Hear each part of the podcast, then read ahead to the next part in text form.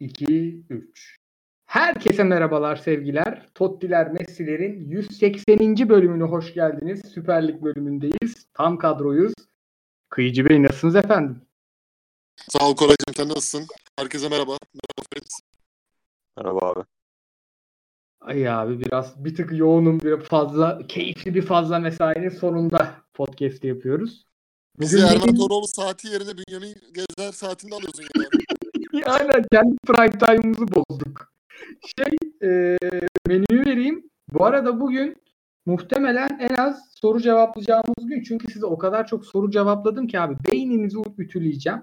Göktepe evet ben de gördüm bugün 55 tane 60 tane falan soru gelmiş ya maşallah. Tamam, 55 soru bende var 55. Bence ben sor ben hazırladım size 55 soru. Sabah 2 saat çalıştım. Önce bir derbiyi soracağım. Göztepe maçını ben izleyemedim. Siz izlediyseniz onu konuşarak başlarız. Derbide Kayseri Karagümrük izledim de Göztepe hiç yok bugün. Tamamdır. Ee, onu haftaya söz verelim. Ee, derbiler derbisiyle başlayacağız. 4-3 müthiş. Sonra Rize Galatasaray'la ilgili ay felsefe falan kafa ütüleyeceğim. Çok güzel sorularım var yalnız.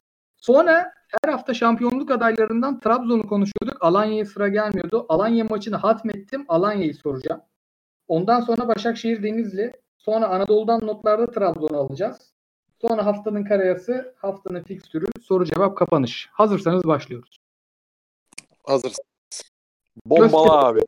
Göztepe'lilerden, bütün kardeşlerimden, İzmirli kardeşlerimden özür diliyorum ama bu sene Mehmet Sepil'den çok Göztepe maçı izledim. Siz de bir maç beni çekiverin abi. Derbiye geçiyorum. Fenerbahçe 3, Beşiktaş 4. Önce abi ben bir şey söyleyeyim mi? Bir teknik direktöre bu sene en çok sinirlendiğim maçtı. Ben Erol Bulut'a büyük yükseldim ya tersten. Yani konuşuruz. Sergen hocamı da büyük öveceğiz.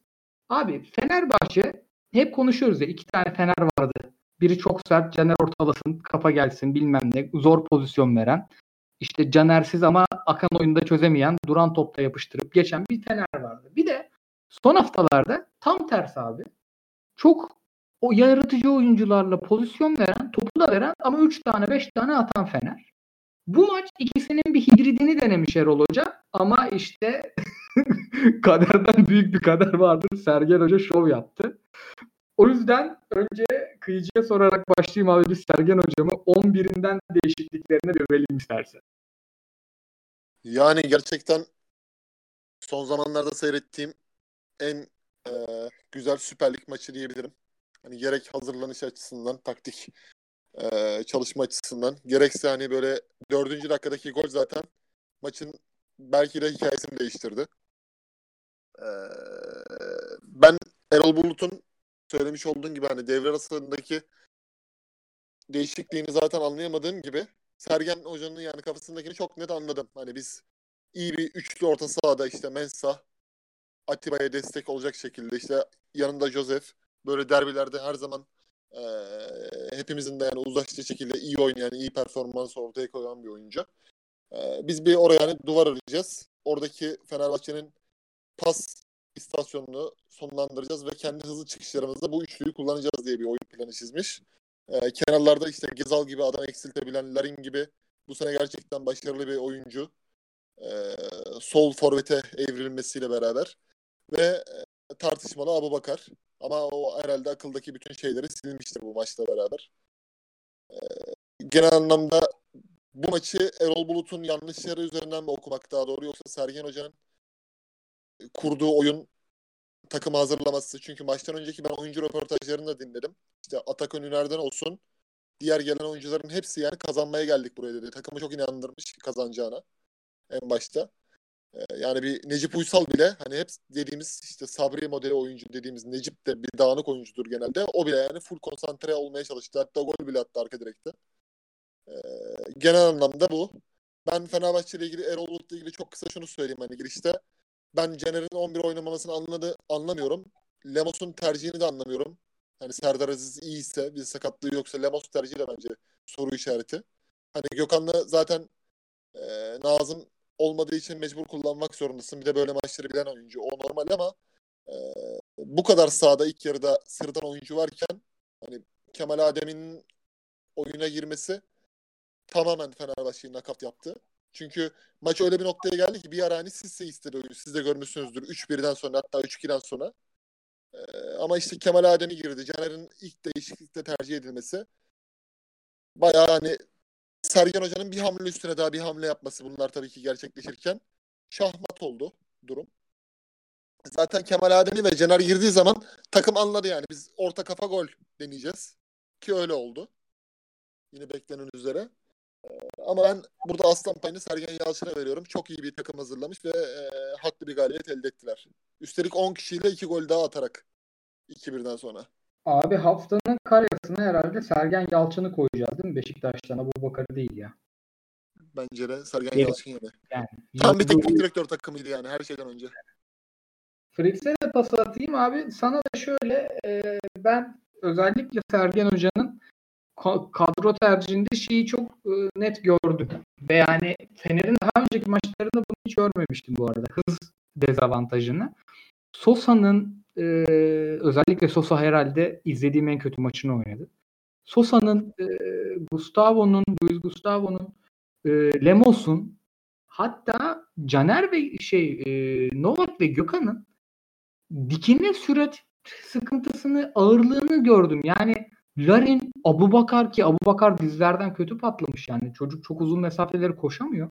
Ama özellikle Mensah driplingle öyle bir yardılar ki artık şunu diyebiliyoruz ya Fenerbahçe neden bu kadar yakın oynuyor? Abi çünkü yavaş bir takımmış. Sen e, ne diyorsun e, Beşiktaş'ın bu hazırlığına dair ve Fener'e dair? Sonra Erol Hoca'ya ayrıca soracağım sizlere.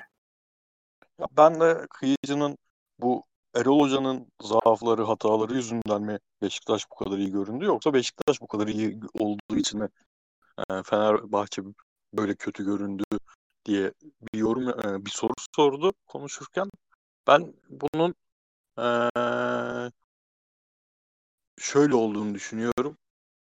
Erol Bulut eğer bu maç e, 0-0 bitseydi. Beşiktaş 1-0 attıktan sonra o kadar erken gelen bireysel becerinin de çok etkin olduğu bir golden sonra 1-0 bitseydi tamamen Beşiktaş'ın başarısı üzerinde sadece konuşabilirdik. Çünkü e, bir Sergen Yalçın takımının büyük maçlardaki, hedef maçlardaki beklediğimiz şey bu. Çok iyi kapatır ama yaratıcılıkta ne Galatasaray maçında 0-0 biten pandemi öncesi son maç olan maçta ne sonraki diğer birçok büyük maçta eee, bu derece üretici, bu derece direkt oyunu skorla birleştiren, skorla demeyeyim de skorla birleştirdiği maçlar oldu ama pozisyonla birleştirdiği maç olmamıştı. O yüzden işin o kısmı tamamen Erol Bulut'a yazar. Çünkü Erol Bulut'un bu takıma gelirken bir numaralı vaadi şuydu. Yani çıkıp tabii kendi söylemedi ama futbol izleyen, Erol Bulut Malatya, Alanya'dan beri izleyen insanların kafasındaki bir numaralı şey şuydu. Ersun Yanal işte bir sürü sembolik laflar üzerinden Fenerbahçe şöyle yapmaz, Fenerbahçe savunma yaptırır falan filan üzerinden doğru düzgün savunma kursu oturtamadı ve takımı e, şampiyon olabileceği bir sezonda, rahat şampiyonluğa oynayabileceği bir sezonda 6. yaptı. Erol Bulut da gelecek savunma kurgusu oturtacak. Ama uzun zamandır görüyoruz ki bu takım savunmada tam tersi geçen sene bıraktığı ki geçen sene hep derme çatma oyuncularla oynuyordu savunma Evet. hattında. Bıraktığı yerden daha kötü durumda. E böyle olunca sadece Sergen Yalçın'ın başarısını konuşmak çok doğru olmaz. Şimdi ilk golde mesela Abu Bakar'ın golünde tabii ki bireysel beceri var. Ee, orada o çalımı o açı üzerinden yapıp o şutu çıkarmak çok nadir oyuncunun bizim ligde yapabileceği bir iş. Ona eyvallah. Öbür tarafta Lemos'un yediği çalım çok eleştiriliyor. Serdar olsa yemezdi falan deniyor. Hayır orada o çalımı bence her oyuncu yer. Orada problem şu. Oyuncular arasında şimdi takım birlikteliğinden bahsederken hep dikine birliktelikten, dikine yakınlıktan bahsediyoruz. Bir de özellikle geri dörtlüde enine birliktelik çok önemli. İnanılmaz Aynen. bir kopukluk var ve çok uzun zamandır var. Bu çok fazla maçta var. O ilk golü o çalımı attığı anda oradan bak yetişir yetişemez. Öbür tarafta kalan yine eee, iletişim eksikliği yüzünden öbür tarafta kalan ki pozisyon da getirebilir olabilir bu. Gökhan Gönül'ün çok daha yakın olup en azından bir kaymayla şut açısını daraltması gerekiyor orada. Bu yok. Şimdi orada birebir kalan bir oyuncunun yapacağı bir şey yok. Bu teknik direktör problemi. İkinci gol direkt şaka gibi abi. İkinci golde ağır çekimde kontra atak golü attı Beşiktaş. Yani Ve orta abi yani adam havuza top attı. Top havuza düştü. Hiç kimse yoktu etrafında ya. Abi ya o kadar kötü bir adam paylaşımı var ki içeride. Ya bu yani göstere göstere tabirini bu kadar karşılayan bir orta uzun zamandır görmemiştim ben. Göstere göstere attı. Gökhan Lemoş'a işaret ediyor. Le, Tabii Lemos tabii. Serdar Aziz o yüzden olmalıydı bence orada. Abi sırayla herkes tutması gereken adamdan birer Aynen. adım uzakta. Yani bu tamamen teknik direktörlük problemi. Buradan da Sosa'ya geleyim mesela. Şimdi ben bunu daha çok iki senedir Galatasaray için kullanıyorum. Bu seneki şu an 10 maç oldu. 10 maçlık Fenerbahçe için de kullanabiliriz. Yani bir maçta bu kadar çok oyuncu kötü durumdaysa bu bireysel performans problemi değildir. Şimdi Sosa'yı aldın sen. Sosa'yı alma sebebin ne olursa olsun Sosa'nın nasıl yeniden Milan dönemi sonrası bize döndüğü yani ligimize döndüğü zaman çok kötü başlayarak uzun süre çok kötü gittikten sonra nasıl tekrardan ligin en parlak oyuncularından birine dönüştüğünü iyi analiz etmemişsin ki sen Sosa'yı aldın ve Ozan'ın yanına değil Gustavo'nun yanına koydun. Ben zannediyordum ki hani Sosa'yı aldıklarında Ozan ya da Gustavo'dan biri satılacak. Gustavo satılırsa Ozan oraya geçecek. Ee, Ozan satılırsa da gelen parayla yine öyle bir oyuncu alacak. Abi Sosa'nın en parlak zamanlarında yanında ya da önünde kimler oynuyordu? Ya Abdülkadir Parmak var. En iyi dönemde bence Abdülkadir Parmak var. Ee, Onazi var. Sakatlık, Onazi'nin sakatlığı öncesi. Bu tipte oyuncularla sürekli bu adam derindeki oyun kurucu rolünü icra etti. Çünkü her türlü o pozisyondaki adamın yanında muhakkak dinamik, enerjik, dikine giden oyuncu olması lazım. Senin elinde bu oyuncu var ama onu on numara rolünde oynatıyorsun. E, Gustavo'nun en iyi zamanı ne? Ee, düşüşe geçtikten sonraki en iyi zamanı ne? Marsilya'da yanında Zambo Anguissa ile oynadığı zaman Zambo Anguissa'nın rolü ne? O da tamamen enerji üzerinden, kesicilik üzerinden oynayan bir oyuncu. Şimdi ikisini yan yana oynatıp önde de hiç iyi kapatamadığın bir maçta, bir sürü maçta yani Ozan'ın önde baskıyla sana pozisyon getirmez, getiremediği çünkü önde iyi kapatamadığın maçlarda Ozan'ı orada kullanıyorsun. E, hücum kısmında da zaten böyle bir tuhaflık çıkıyor. Sergen Yalçın merkezi muazzam kapatmış abi. İnanılmaz. Ben- Çok iyi abi.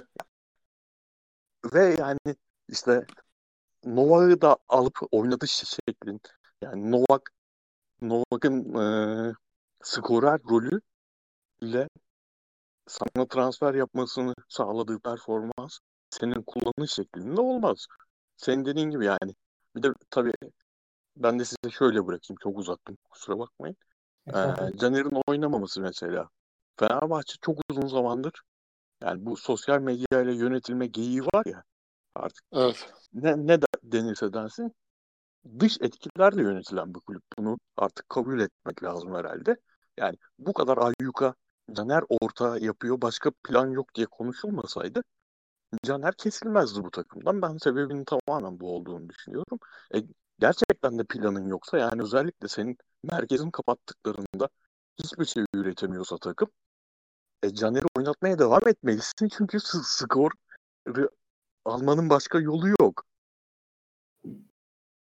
Tabii. Abi bak ben mesela şunu da düşünüyorum. Ha bu kesin böyle olsaydı böyle hani olurdu diye bir fikir üretiyorum.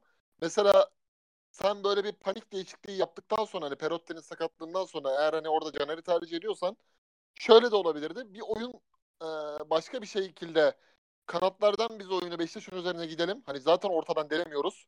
Dediğin gibi Gustavo Ozan bu kadar pas hatasıyla ki Beşiktaş'ın alanı kapatmasıyla sana o şansı vermedi. Biz kenarlardan işte Gökhan'la veya işte Pelkas'ın olduğu bölgeden yine oradan orta keselim ama bu defa Trabzon'daki gibi Novak sol bek değil de sol ön Caner biraz daha geride. Ersun Yanal dönemindeki gibi. Hani iki tane sol oyuncu ama Novak daha önde. Belki hani orada orta kafa golü öyle deneyebilirsin. Bir alternatiftir yani. Bunu da yap Bunu yapacaksan da bunu yapacaksan da yani işte 2-1 geridesin girdin tamam kırmızı kart olacağını bilemezsin eyvallah. Ama yani bir çift santrafora dönmez misin ya? Tabii ki tabii ki abi şimdi zaten hani biz şimdi Fenerbahçe futbolcusu olalım. Bakıyoruz abi Perotti çıktı. Tamam Caner giriyor. Sen mesela zaten anlarsın hani zeki oyuncusun anlarsın. Kemal Ademi giriyor oyuna. 1.90 pivot herif. Bunlar olduğu zaman ne olacak? Tamam şişir babam Caner ortalasın. Ademi içeride karambol. O zaman niye yani Sisse değişikliği bu kadar erken? Çok Ya enteresan değişiklik siz- abi abi Gerçekten çok. Çok çok. Ben sadece şunu şunu sormak istiyorum bizi dinleyenlere. Beşiktaş Fenerbahçe maçının fotoğrafını çıkarttığımız zaman Erol Bulut Beşiktaş'ın hocası Sergen Yalçın Fenerbahçe'nin hocası olsaydı bir tarafta geniş kadro olarak 3 aydır dillere pelesenk olan övülen Fenerbahçe diğer yanda maddi imkansızlıklarla boğuşan dar kadro, şampiyonluğa oynayacak kadro denilmeyen Beşiktaş. Bence bu mantalitedeki Erol Bulut'un Beşiktaş'ı bu mantalitedeki Sergen Yalçın'la Fenerbahçe'yi yine yenemezdi. Yani Abi- Erol hocaları değiştirelim yine yenemezdi abi. Abi katılıyorum. Aksine çok kötü yere gidebilirdi o maç. Şimdi Tabii çünkü bir tarafta abi böyle bir hocam akış açısı var. Diğer tarafta hani 9 kişi kalsa Beşiktaş yine her tarafa basan bir oyuncu çıkıyordu abi bir yerlerden. Aynen ve şimdi Fenerbahçe'nin e, zaaflarını çok net okumuştu Beşiktaş. Onu çok e, yani Caner'siz kanat organizasyonu çok zayıf. E, özellikle öndeki hem Pelkas'ın hem Perotti'nin birebirlerine kalan bir e, hücumu var kanatlardan Fener'in. Daha çok baskıyı kuran, fizikle ezen hani ve buna da uygun Sosa'nın işi çözdüğü, duran topların işi çözdüğü yine duran topları etkili kullandılar. Bir takım. Ama şuradan itibaren maçın resmi çıkmaya başladı. Abi ne Perotti'yi zaten erken çıktı da baba. Ne Pelkas'ı hiç birebir göremedik ya. Yani Evet. Rozier, ya Rozier hiç çalım yemedi. Rıdvan hiç çalım yemedi doğru dürüst. Hep biri kademede. Hep biri baskıda ve şu çok net çıktı. Ya ne kadar Beşiktaş'ta herkes iyi oynadı. İlk üçü Atiba'yı koyamıyorum ama. Çünkü o kadar herkes Atiba gibi oynadı ki. O kadar herkes her yeri kapattı ki Atiba'nın Atibalık yapmasına gerek kalmadı bir yerden sonra. Yani bunu şimdi Fener tarafına gelelim. Sergen Hoca'yı yeterince anlatmaya çalıştım. Benim Fenerbahçe tarafında Sisse değişikliğinden daha ziyade canımı sıkan Caner değişikliği oldu. Yani sen Caner'i şimdi Fenerbahçe Perotti'yi aldı, Pelkas'ı aldı, eee, Sinan'ı aldı, Tiam'ı aldı, Sosa'yı aldı, Valencia'yı aldı, Mert Hakan'ı aldı. Ya hep bak ne kadar fazla ofansif transfer yapmış, ofansif oyuncu almış sahaya. E, rakibin Beşiktaş 2-0 geridesin. 2-1'i bulmuşsun. Ya zaten 10 numarada Ozan oynuyor. Arkasında Gustavo oynuyor. Sen şu an sen Fenerbahçeli oyuncu, Beşiktaşlı oyuncu ne düşünür? Üç, ikinci sol bekin oyuna girmesini. Ya Fenerbahçe'nin sene başındaki tüm direncini aslında sağlayan önde kesinlikle çıkartmamalarıydı abi. Ener Valencia Süper Lig'de şu an izlediğim en iyi 5 sağ, sağ açık arasına koymam. Vallahi de billahi de iyi futbolcu olduğunu düşünmüyorum. Ama hiç çıkarmıyordu. Tiam. Hiç Kasımpaşa'daki Tiam değil. O Tiam çok daha inceci, çok daha başka bir şey anlatan bir oyuncuydu. Ama o Erol Bulut'un o takımındaki Tiam çok faydalı bir herifti. Bunlar yani sahada 2-1 gerideyken derbi içeride derbi oynuyorsun. Ne gerek var ikinci sol beke? Bir sürü oyuncun var ya Sinan Gümüş kadroda yokmuş. Evet. Abi tamamen rütbe değişikliği o ya. Yani onun alınması. Şimdi zaten Erol Hoca'nın kafasında muhakkak şey vardı ulan. Oynatmıyoruz bu adamı. Şimdi işte takvim sıkışınca rotasyon yaparız diyorduk ama erkenden oynatmamaya başladık. Çok fazla tepki var falan filan. Onun kafasında var. E, biri sakatlanınca şimdi sahaya Tiam atayım demesi çok kolay değil bence olan. Yani ben bunun hiç e, saha içiyle alakalı bir değişiklik olduğunu düşünmüyorum. Soyunma odasıyla alakalı bir değişiklik bence Caner. Yani biraz da e, o övülen Emre Belözoğlu'nun herkesi ikna etti, telefon etti. Herkes o baba sen çağırıyorsan geliriz dediği transferler var ya. Şimdi o transferleri yapıyorsan işte 42-43 yaşındaki hiçbir büyük takım, hiçbir kupa kazanma tecrübesi olmayan yani kupa kazanma tecrübesi var pardon. Gerçi yok değil mi? Trabzon'u yenememişlerdi. Neyse ama hiçbir büyük takım tecrübesi olmayan bir teknik adamı getirdiğin zaman başlarına başına bu olur yani. Bunu mesela Daum olsa Daum başka türlü yönetir bu kadroyu. Erol Hoca gibi biri başka yönetir. Biraz adamın elinde o anlamda bir bomba bırakıldı ve idarede etmesi gerekiyor bu oyuncuları abi. Çünkü Ve yani ben e, siz de çok söylediğiniz abi bunlar çok e, üst devre adamlar ya. Yani Aynen. askerlikte olur ya üst devreye tam abi senin ses edemezsin. ek bir şey ek, ek bir ilave yapacağım. Çok güzel yerden girdin.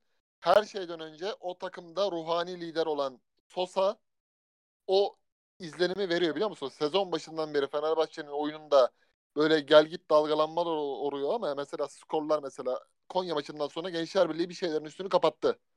Geçen hafta. O görüntüde Sosa bu takımda benim işim yok havası veriyor. Yani tıpkı Ünal Karaman gelmeden önceki Trabzon'daki balans ayarında oynuyor Sosa. Doğru. Farkındaysanız. Vücut dili Doğru. hani benim benim buradaki liderliğim tescillenmemiş. Vücut dili o. Hani buranın lideri Caner'le Gökhan'dır. İzleniminden biraz rahatsız gibi Sosa. Hani bu saha içi liderliğini Erol Bulut da geçirememiş ki ona.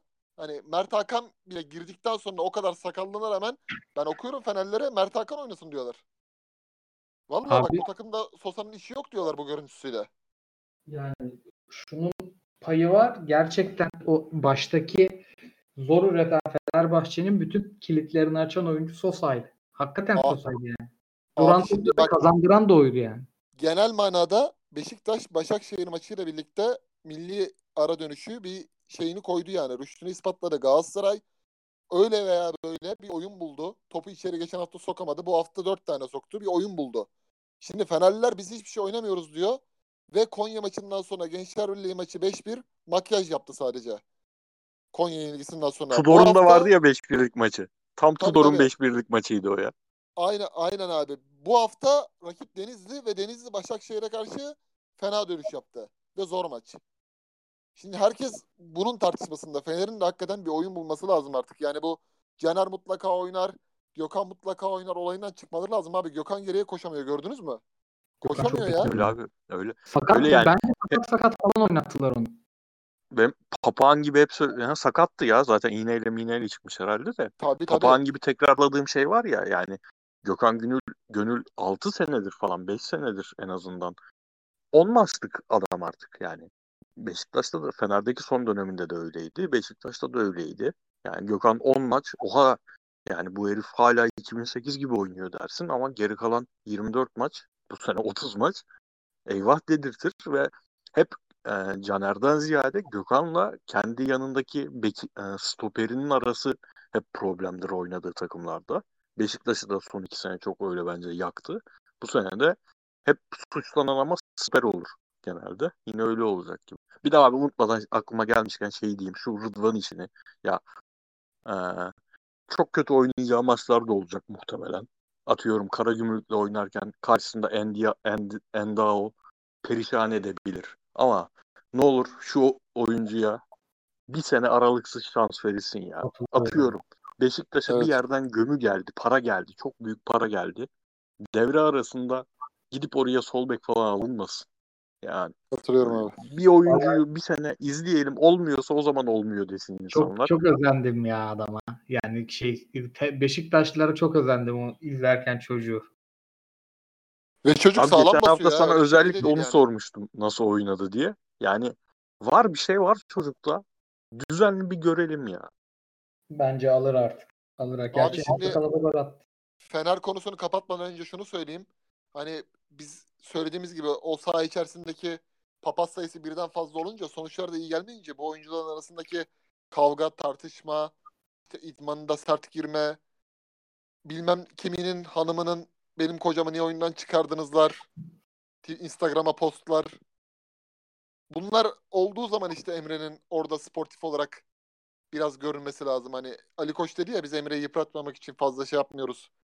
Poz vermesini istemiyoruz ama yani bunu Emre gözükmese dahi bütün spor medya yazarları vay vay vay yılın kadrosu işte 22. 21. yüzyılın kadrosu bilmem ne falan öyle bir gazladı ki Emre'yi.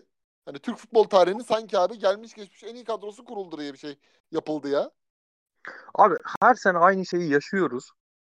Farklı takımlarda yaşıyoruz. Ama her sene de yine de büyük çoğunluk düşüyor buna ya. İşte geçen sene Galatasaray'ın o kadroya işte Şener, Jimmy Durmaz bilmem ne bu tip isimler doluyor takıma. Kadro çok geniş baba deniyor. Abi Şener Abi var bak- kenarda. Nasıl kadro geniş ya? Abi Sinan Gümüş var. Melo abi bak çok net. Melo, Selçuk, Hamit, Snyder, Drogba, Burak kağıt üstünde avans verir bu kadroya, bu Fener kadrosuna. Orada bile sen Kara, Karabük'e karşı maçı son dakika falan çevirebiliyordun yani. Öyle kadro iyi oldu da oynadın diye bir şey yok yani. Abi yalnız müthiş bir şey söyledin. Bak hiç aklımda yoktu ha. Şu an bu Fener'in bu seneki oyun bana şeyi hatırlattı şimdi. Ee, 2011-2012 değil 2012-2013. Burak, Chris bilmem ne çok Amrabat.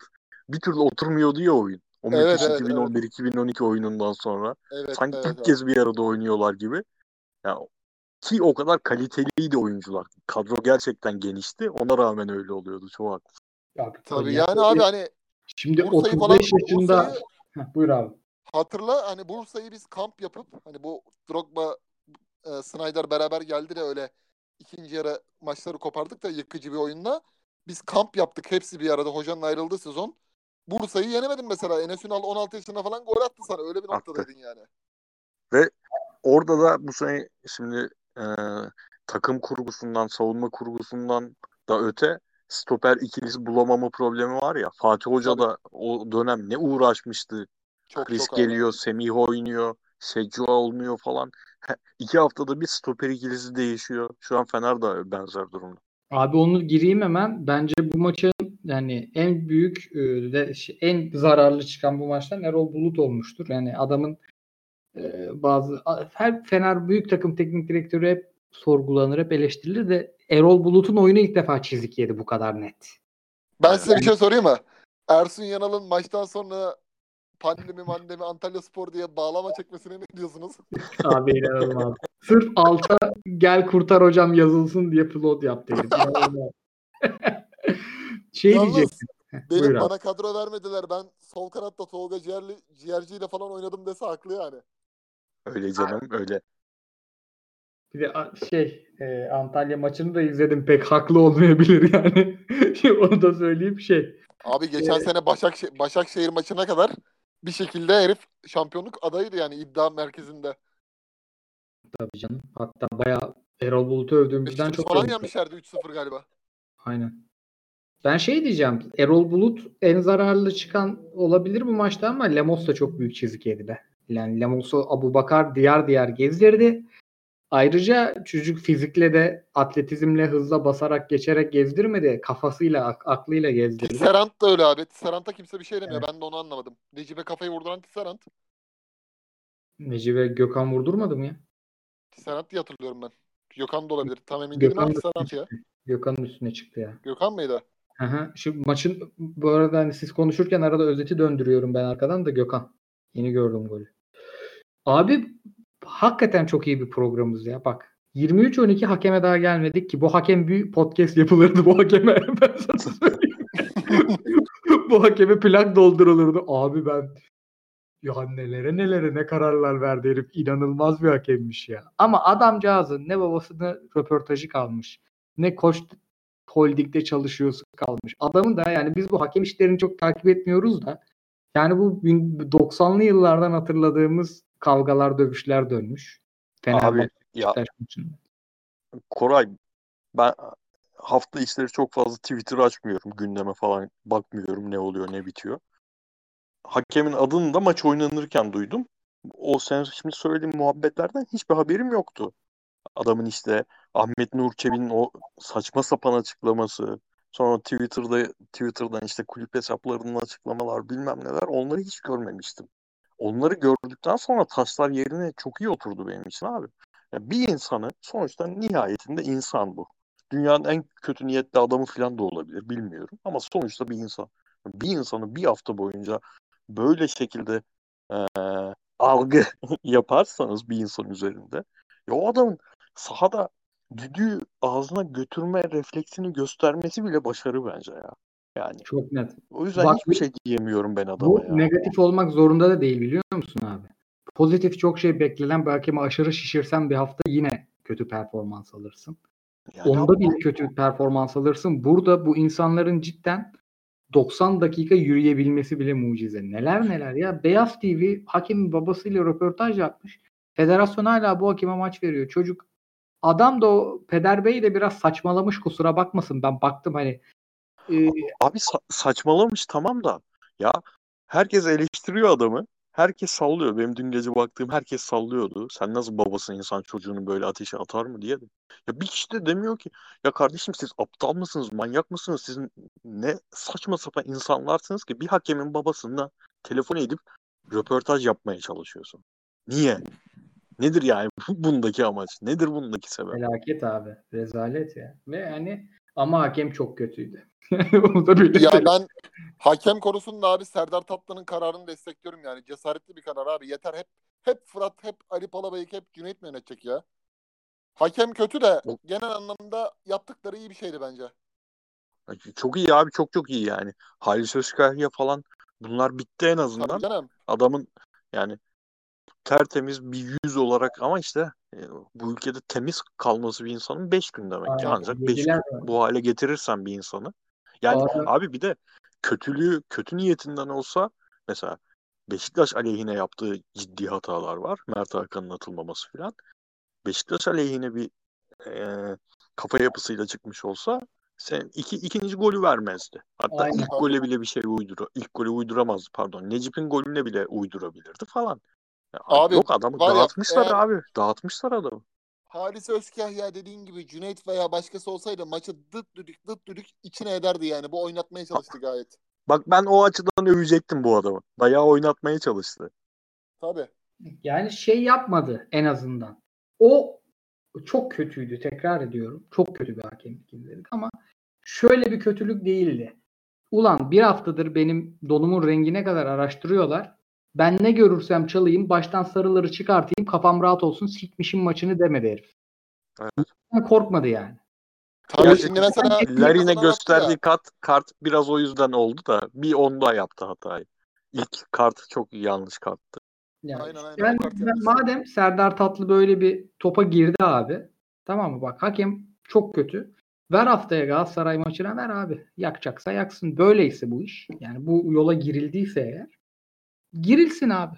Yani bu adamı şimdi 3 hafta kıza çekerlerse o yola girmesinin bir manası kalmayacak. Yine 750 kilo Fırat Aydınus 2 hafta sonra derbi alır yani. Bak normalde baskı olmasın bu beyaz TV, siyah TV falan filan bunlar devreye girmesin.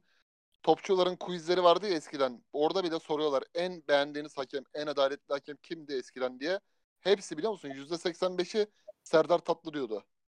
Bu Serdar Tatlı dediğin gibi yapar yani. Bu genç hakemleri sürer. Ben der bunlarla hani devam edeceğim. O adil adil olmayı sağlamaya çalışır yani. Hakemin performansı ayrı bir konu ama bunu yapar yani. Allah Ama- Allah, Ama öyle bir baskı ve öyle bir kokuşmuşluk var ki buna müsaade etmiyor.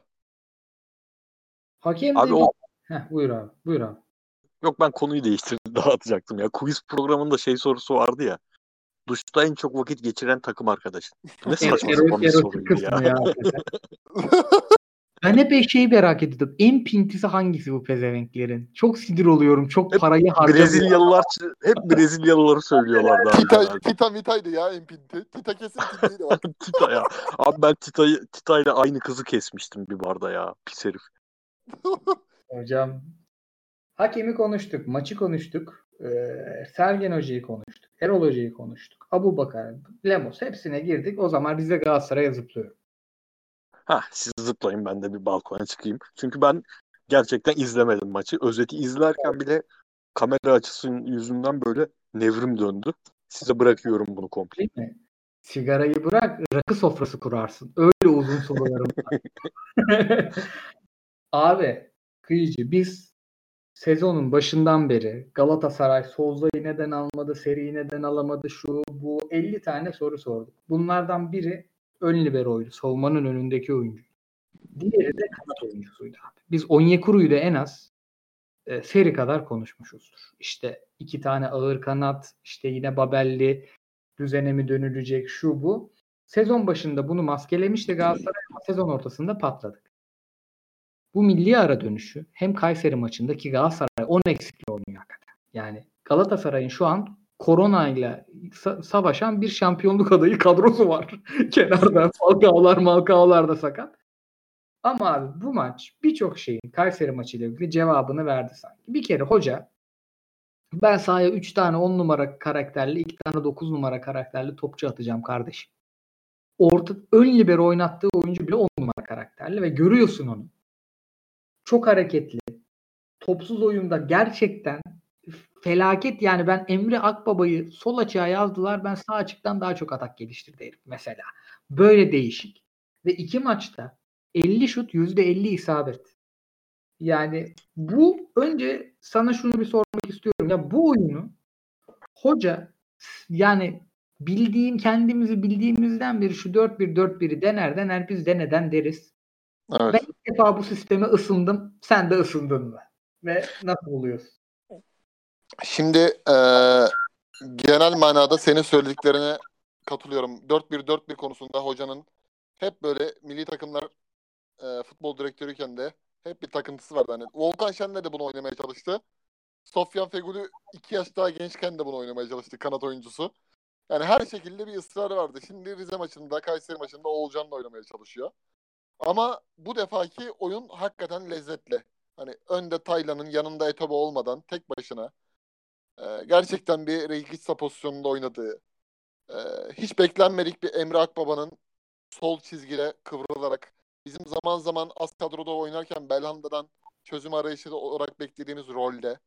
Hani biz diyorduk ya mesela Belhanda'yı biraz buradan mı denese acaba oyun tıkandığı zaman.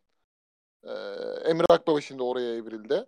Her şeyden önemlisi e, kafasındaki işte o fake dediğimiz şeyleri buldu hoca mesela. Tayland tek ön libero okey. Ne olursa olsun Emre Kılınç çizgide oynamayacak mesela. 2-8 numaranın biri gibi. Hani ben Emre Akbaba'yı gerekirse sola atarım ama Emre Kılınç'ın pozisyonu değişmeyecek diyor kağıt üstünde. Bu mesela çok önemli. Oyunu ciddi anlamda domine eden faktörlerden bir tanesi bana göre. Ee, hani kenarlarda Oğulcan'ın belki o ürkekliğini atarsa hızından da ileride faydalanacak. Buna bilemiyorum. Oğulcan şimdilik iki maçlık ürkek bir görüntü verdi. Çok da heyecanlı bir oyuncu profili izletti bize. Ee, Biraz da ama Nereye kitlenmiş abi. Biraz fazlayı yapmaya çalıştı. Döneyim, Tabii. vurayım, basayım. tabii tabii biraz hani biraz estetik yapayım, göze gireyim. Biraz e, eskiden Galatasaray'daki Berkant vardı ya Berkant Gökten. O Hı da böyle çok o da böyle biraz nazik nazik estetik oynayıp da e, çaba sarf etmeye göze girmeye çalışırdı ama olmamıştı. Umarım bu da öyle olmaz yani. Biraz daha böyle hocanın istediğini ortaya koyması lazım. Emre Kılıç nasıl Sivas'tan geldi çat diye oturdu. Öyle bekliyoruz Oğulcan'dan da. E, Evet. tabii maç eksiği var. O arayı kapatması lazım. Onlar ayrı bir unsur. Tabii ki Oğulcan'ın o sağ çizgideki oyununun e, ötesinde Feguli'nin bir dönüşü var. Feguli Cezayir milli takımında ben milli arada iki tane maçlarını izledim. Orada da çok dominant bir oyun ortaya koymuştu. Tıpkı bu bu pozisyonda oynuyordu. Hatta hatırlarsan bir grubumuz var. Oraya attım sana iki tane asist yapmıştı bir maçta. Aynen. Onun 10-15 gün önce aynı pozisyonda oynuyor. Aynı rolde oynuyor.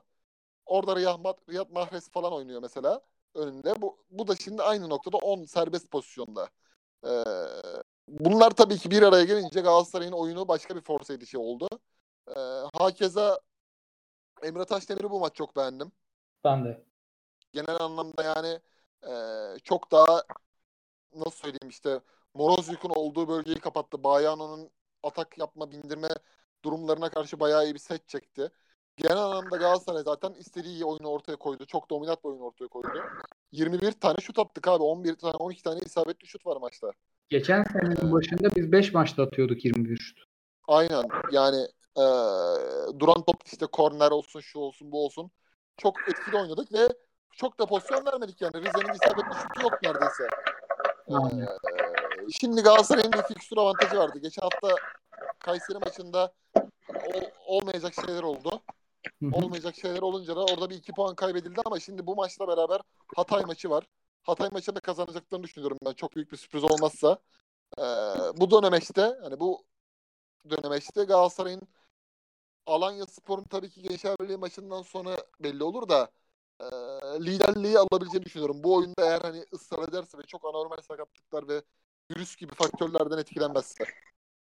Abi şeye geleceğim. Bu arada Fritz sigaraya çıkarken ses yapıyordu. Mikrofonunu kapadım. Onu aç. Heh tamam. Gelmiyor artık.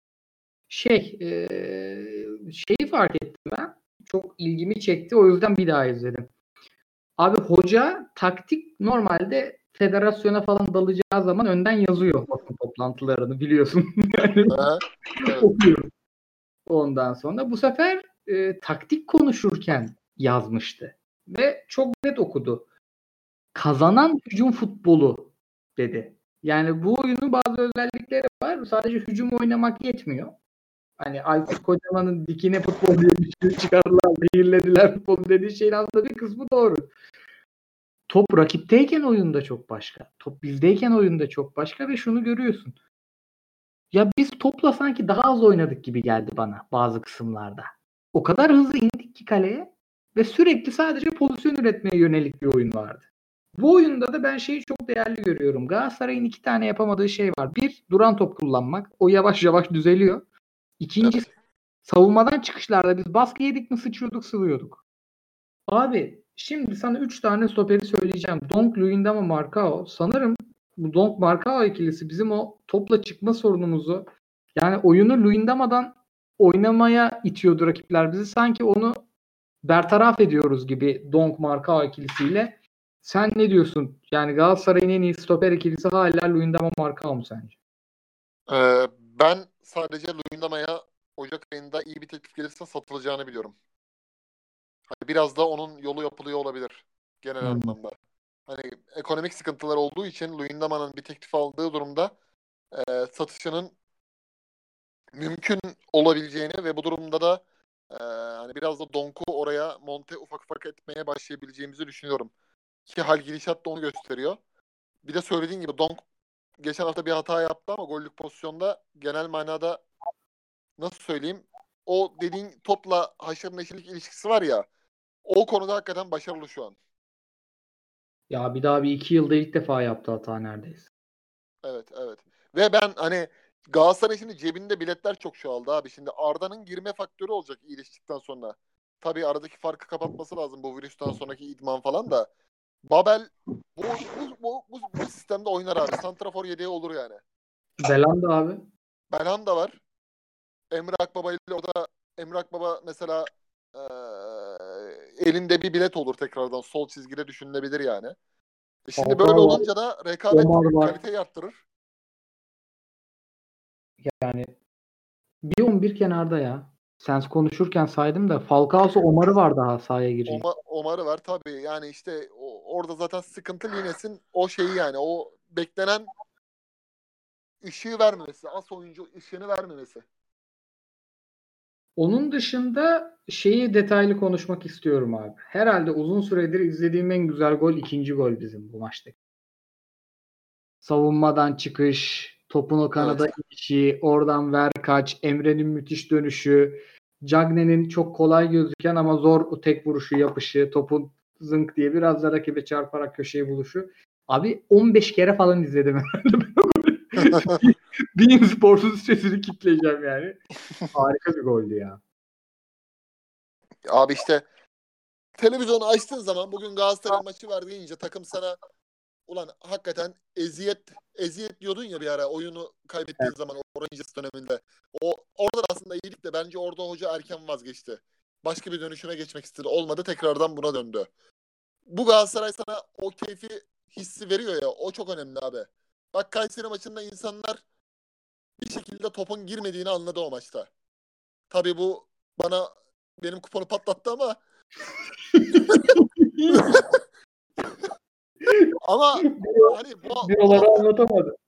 tabii bu, bu hafta mesela abi Rize'ye karşı şey yaptık hani. Pozisyona girince ulan biz Kayseri, Kayseri maçındaki oyun boşa sıkmamışız dedik yani. 21 tane şutu insan görünce abi hani takıma karşı ümidi başka değişiyor. Abi şöyle söyleyeyim sana. Biz Fritz'le geçen hafta işte konuşurken ulan Galatasaray 10 kişi oynayan ligin sonuncusu takıma son dakika gol yemiş puan kaybetmiş. Ulan dedim biz bu takımın neyini övdük? tamam mı? Hiçbir şey konuşmadık takım hakkında. Şöyle iyiyiz böyleyiz. Ulan 10 kişi rakip içeride maçı puan kaybetmişsin yani.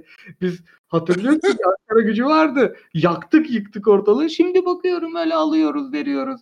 Lan dedim şimdi kıyıcı olacaktı burada. Kupon da yakmış canı yanmış. bir boydan girecekti. Abi abi Etoba Metoba yalnız bunları göndermek lazım ya. Evet. Olmaz yani. Temizlik lazım oraya. Peki son sorun maçla ilgili. Şimdi biz seriyi çok istedik. Hala istiyoruz. Hoca da istiyordu. Belli ki devre arası bir girişim daha yapılır. Ama ben serinin Taylan'ın verdiği bazı şeyleri veremeyeceğini düşünüyorum ve bunu abi bunu bana söyletti Taylan. İnanılmaz bir gelişim bu. Yani Taylan'ın çünkü abi Tayland'da şu bacakların uzun olması, yana çok hızlı olması bizim çok derdimizi kapatıyor. Yani mesela Taylan o kadar iyi alan kapatıyor ki Feguli 6 tane top çalmış. Kante misin mübarek? Yani o öyle bir kapatıyoruz ki Taylan'ın o yana çabukluğunu ama dike hız değil sağa sola yetişmesini kullanarak bunu seri yapamaz gibi geliyor bana. Yani sanki oraya böyle Taylan gibi enerjik genç biraz da on numara geçmişi olan kardeşlerimizi arasak yerli daha şık olmaz mı sence? Yoksa yok Oraycığım bir seriyi bir alalım sen gör oyunu mu diyorsun? Abi ben isimden bağımsız olarak genel anlamda hani Taylan yoksa Etaba oynar orayı doldurur olayına mahkum olmamamız için hani seri olur başka biri olur oraya öyle biri lazım diyorum hani o yüzden hmm. bu seri olur Elneni olur fark etmez ama Taylan yokken orada sıkıntı olur yani. Ya mesela Elneni daha iyi olur gibi geliyor bana. Çünkü tabii, bak tabii. anlaştık. Alanya'ya zıplayayım mı? E, bu arada bir şey söyleyeceğim.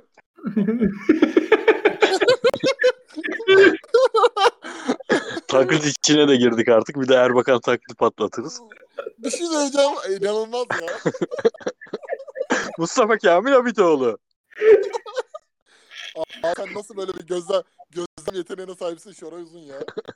Abi şey geçen işte dünkü maçta Mehmet Demirkol'a daldım ben yine. Çünkü baba maç izlemiyor artık ve çok sinirleniyorum. İşte vakti zamanında severek izlediğim için adamı duble sinirleniyorum. Aynen o çok sinir bozuyor ya. Aynen. Çocuğun biri demiş ki ulan demiş iki gün sonra peşinden koşarsınız. Kardeşim bizim şu alemde peşinden koşacağımız bir adet yorumcu var. Solaryum'da bile kayda alırız Erman Toroğlu'yla. Ondan sonra da Allah gelsin bak Ercan abimiz geldi anlattı. Spiker alırız memnuniyetle de. Yorumcu Erman Toroğlu ve diğerleridir bizim için. ben tam anlamadım abi. Sana mı demiş onu? Ee, sana yani sen Twitter'dan eleştirdin Mehmet Demirkol'u. Biri de öyle yazdı sana. Aynen. Bir kere şunu ha. bilsinler. Bizim için konuklu yayın çok zor abi. Biz beceremiyoruz. Ben direkt gelmiyorum zaten konuk olunca. Ama anne konuşacağım elin adamıyla diye. yani, şu olur. Bak Önder Özen'le bir rakı içmek isteriz değil mi hepimiz? Önder Hoca'yla, Metin Hoca'yla. İki. O ikiliyle. Ama yayına alacaksan Erman Toroğlu ve diğerleridir. Abi biz yazın zaten Önder Hoca ile niye içemediydik? Bir geri zekalılık yaptım benim yüzümden mi içememiştik? Benim, benim Sen mi yoktun? Aynen ben hafta sonu e, İstanbul'da hafta içi İzmir'deydim. Ha, doğru İzmir'deydin ya. Sen yoksan içmeyelim gelmeyelim dediniz ya. Bu arada içmeyecektik. Maç izleyecektik. Şampiyonlar Ligi finali. E, Şampiyonlar mi? Ligi'ni izleyecektik. Doğru. Evet evet İsmail İsmail'le konuşmuştuk o zaman da gelin demiştik falan. O zaman şampiyonluk adaylarının diğeri ilk defa konuşuyoruz detaylı. Alanya Konya'ya geçeyim mi? Geçelim. Geç abi. Abi Alanya'nın ya bu sene gerçekten şey yazıyorum bir tane. Hafta, çarşamba günkü yayın için yazıyorum onu aslında kafadan. Abi bu sezonu izlenir, izlenir kılan seyircisi falan olmasına rağmen hocaları. Sana işte Ancelotti soracağım, Klopp soracağım, Gattuso soracağım. Böyle çarşamba günü bir yakacağız kafayı. En keyif aldığımız hocaları konuşalım. Abi baktım baktım 6'yı 8 yapmak zorunda kaldım. Bir şeyi aldım. İsmail Kartal bir de şey ben sürekli Konya ile Alanya izliyorum bu sene onu fark ettim. Yemin ediyorum. Gerçekten Aykut Kocaman dönemi izlediğim, bütün Kocaman dönemi izlediğim kadar Konya'yı bu sene izledim. Ve Alanya Konya maçına da çok heyecanlıydım. Abi şu Davidson, Bakasetas, Efecan üçlüsü ya bu Talişkalı üçlüsü vardı ya Beşiktaş'ın. Full hücum. forvet arkası üçlü. Onlar kadar keyifli ya. Bir de bazen Efecan çıkıyor oraya Babakar giriyor. Baba böyle Evet. uzak forvet Cenk'in Şenol Hoca Cenk'i oynatıyordu ya abi sol kanat. Evet. Bu sağdan büyük yardırıyor öyle. İnanılmaz. Efecan'ın pası bu hafta acayip iyiydi. Aa, aynen. Çok güzel pas. Geri aldım ya. Geri aldım bir daha açtım. Abi bak bu herifler Abi buyur. Buyur abi. yok sen bitir. Sen.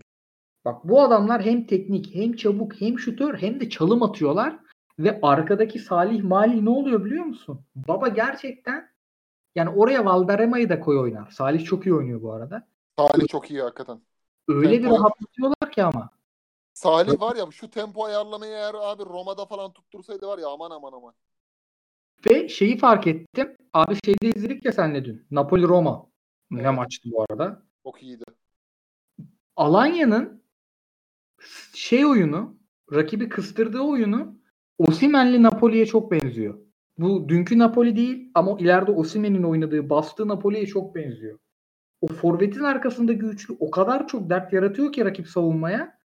Artık orada artık şeyi oynatıyor abi babada. Gattuso'da. Jelinski Melinski oynatıyor artık. 8 numarayı da O da onun ne oynadı be? Ne oynadı? Ne oynadı? efsane maçtı. Efsane maçtı.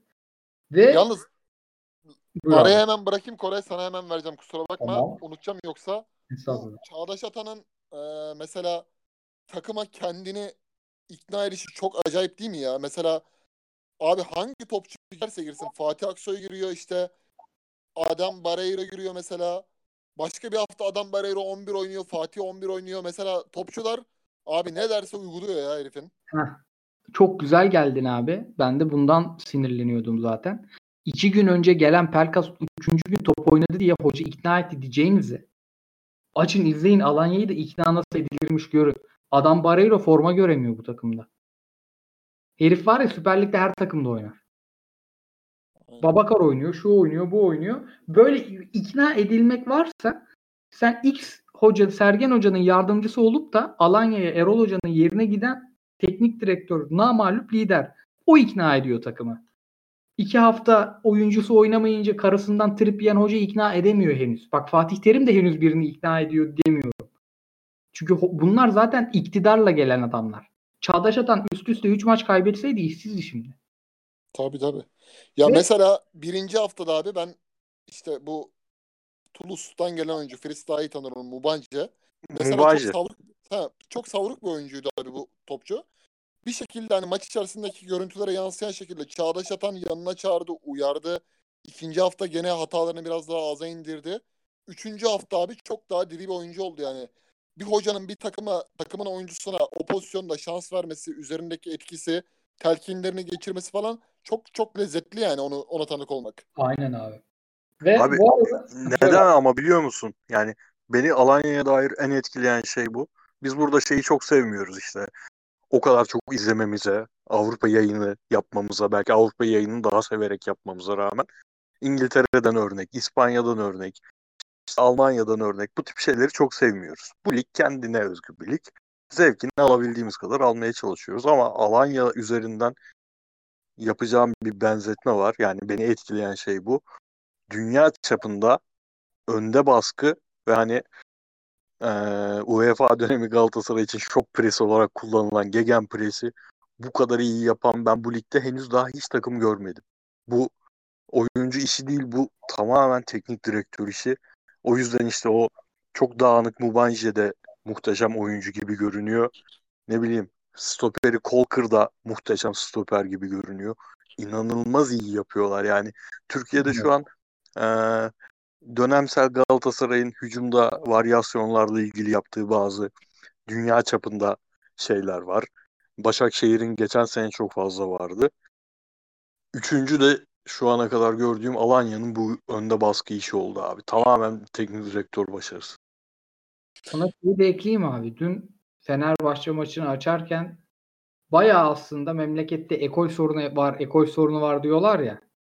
Bir hoca, iki hocayı da hatta e, Alanya tedrisatından gitti. Büyük takıma bak. Kendi kulüplerinin önemli isimleriydi. Erol Bulut o kadar değildi bu arada. Ama Sergen Yalçın efsane diye gitti. İkisinin de hocalığına Alanya'nın katkısı büyük. Ondan sonra geldi Çağdaş Atan'ı da star yaptı. Yani Evet yani bütün işte başkanlarının siyasetle bağlantısı falan bunlardan bağımsız orada iyi bir yapı var. Yani bunu söylemek lazım. O zaman çok kısa Başakşehir Denizli'ye e, geçiyorum. Orada pasa size atacağım abi. Ben izleyemedim maçın tamamını. Ama Manchester United maçını izledim ve bu maçta sıkıntı çıkacağı belliydi. United it gibi koşturdu abi bizimkileri. O üç tane atletik oyuncu öyle dertler çıkardı ki aralarında da şeyle e, Fernandes'le. Erken de goller gelince Başakşehir gerçekten yani en yorulacağı hale geldi maç ve çok yordular. Bu maçın da sonunu getirememişler. Sadece Crivelli'nin yokluğunda sürekli arayıştaydı. E, bu maçta şöyle hızlı hızlı baktım. 10 numara Dembaba ileride Gulbrandsen'le. Gulbrandsen oynadı. Atletizm derdini çözmeye çalışmışlar. E, 3-0'a gelirken de iki gol çok güzel atmış Gulbi ama e, yetmemiş. Burada Fritz sen izledin mi abi maçı? Yok abi izlemedim. Özetini izledim sadece. Bir de şeye dikkat, şeyi gördüm yani. Bu Altın Ordu'dan aldıkları 16 yaşında mı ne bir stoper var ya. Rabil 80 civarı onu almış oyuna. O bir iki ciddi hata yapmış sanırım. Onun da etkisi olmuş. Aa o 24 numaralı çocuk o muydu be? Aynen aynen hata yapanı. Abi ismi şimdi Rabil. enteresan bir isim. Aynen. Nasıl? Rabil. Ben Aynen biliyorum. aynen doğru. Ravil Tagir. Ravil. İran asıllı mı? Bilmiyorum ya şeyini ama bayağı şiş şey yapıyorlardı abi. İnanılmaz övüyorlardı. Hatta nasıl bak işte büyük takım gibi transfer yaptılar falan e, dedi. Kazakistanlıymış. Evet. Öyle. Olur olur. Da işte onun hata bir ciddi hatası var falan. Yani tam Galatasaray'ın geçen seneki 9 kişi miydi Ankara gücü 2-0'dan 2-2. Evet, Arada evet. böyle freak game'ler olur ya tam freak maçı olmuş yani. Kıyıcı sen atmıştım o maçtan sonra cehennem kapıları açıldı diye.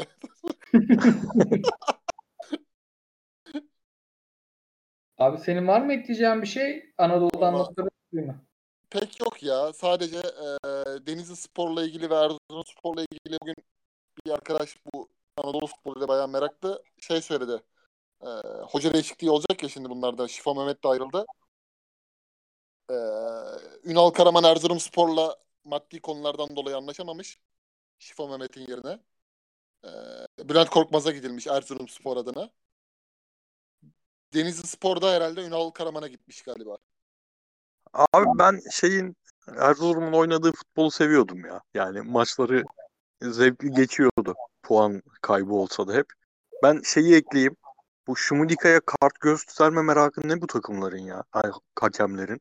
Yani Fatih Terim'e gösterilmeyen kart, Erol Bulut'a gösterilmeyen kart, Sergen Yalçın'a gösterilmeyen kart bu adama bol keseden gösteriliyor ya. Hani tamam şakasını esprisini biz de çok yapıyoruz şu Şumidika'nın. Düzenli olarak yapıyoruz. Sevdiğimiz bir adam ama ya bu Aynen. kadar da olmaz ki abi. Nedir yani bu adamın şey mi yazıyor?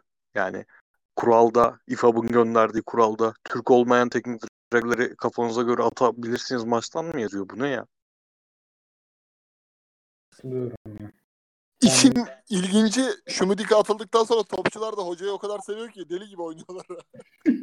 Abi seviyorlar mı yoksa pazartesi günü salı günü antrenmanda yiyecekleri zopadan mı?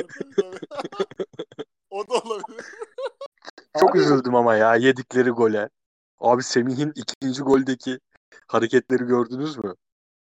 Abi aynı pozisyonda iki defa offside'ı bozdu herif ya. Aslanım.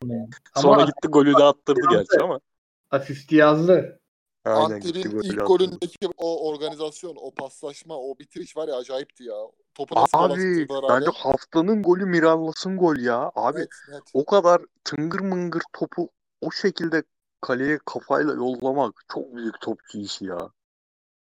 Adem Büyük'ün de gol roketti yalnız. Ama, Abi ama o ya, yani bu Hamza Hamzaoğlu işte abi var ya o yüzden hiçbir zaman bu adamın bu işleri böyle hep bir yerde sıçrayamayacak abi. Şimdi sen PTT'de bile oynasa tartışılacak bir adamı 9 oynatıyorsun 37 yaşında Umut'u.